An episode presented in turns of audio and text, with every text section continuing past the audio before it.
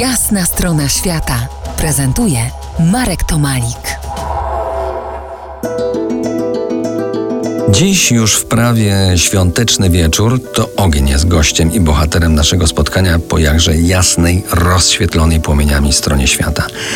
Zacznijmy tę część naszego spotkania od baśni. To będzie baśń na podstawie starej baśni, cytat z mojej książki Lady Australia. W pierwszych dniach świata jedynym aborygenem, który wiedział jak krzesać ogień był człowiek Kakatu Mar. Lecz z nikim nie chciał podzielić się swoim sekretem. Zirytowani współplemieńcy wysłali na przeszpiegi człowieka ptaka Takana. Ten zaczaił się w zaroślach i obserwował, jak Mar sposobi się do obiadu. Takan wykorzystał chwilę nieuwagi i kiedy Mar zajęty był układaniem mięsa na korze, i wrzucił do ognia drzazgę drzewa trawiastego, a kiedy zajęła się promieniem, pochwycił ją i ruszył do pobratymców.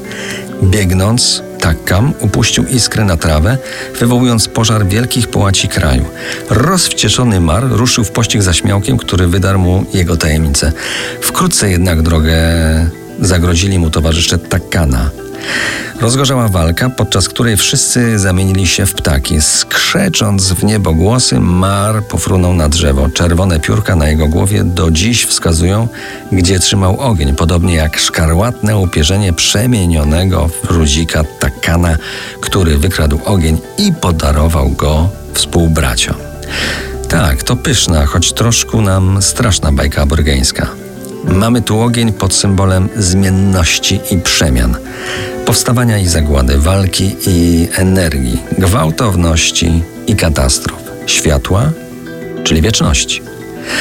Zastanawiałeś się, dlaczego godzinami możesz patrzeć na płomień na pokręcone języki ognia? Czas rozpalania w buszu jest uroczystą posługą, obrzędem, początkiem mszy odprężającego skupienia po dniu trudów. Stek z łopaty, kromka i herbata z ognia. Preludium do snu. Dobrze jest dołożyć parę drew i zasnąć przy ciepłym blasku ognia. Jakoś tak raźniej, bezpieczniej. Powiadają, że skutecznie chroni przed nieprzyjaznymi duchami. To dlatego na cmentarzach palimy znicze świece. Dym oczyszcza, chroni przed drobnoustrojami, stąd praktykowane w wielu kulturach okazanie ciał i mięs wędzenie. I tak pamiętam setki nocy w dymie u stóp ognia i kilkanaście w obawie przed, przed jego falą.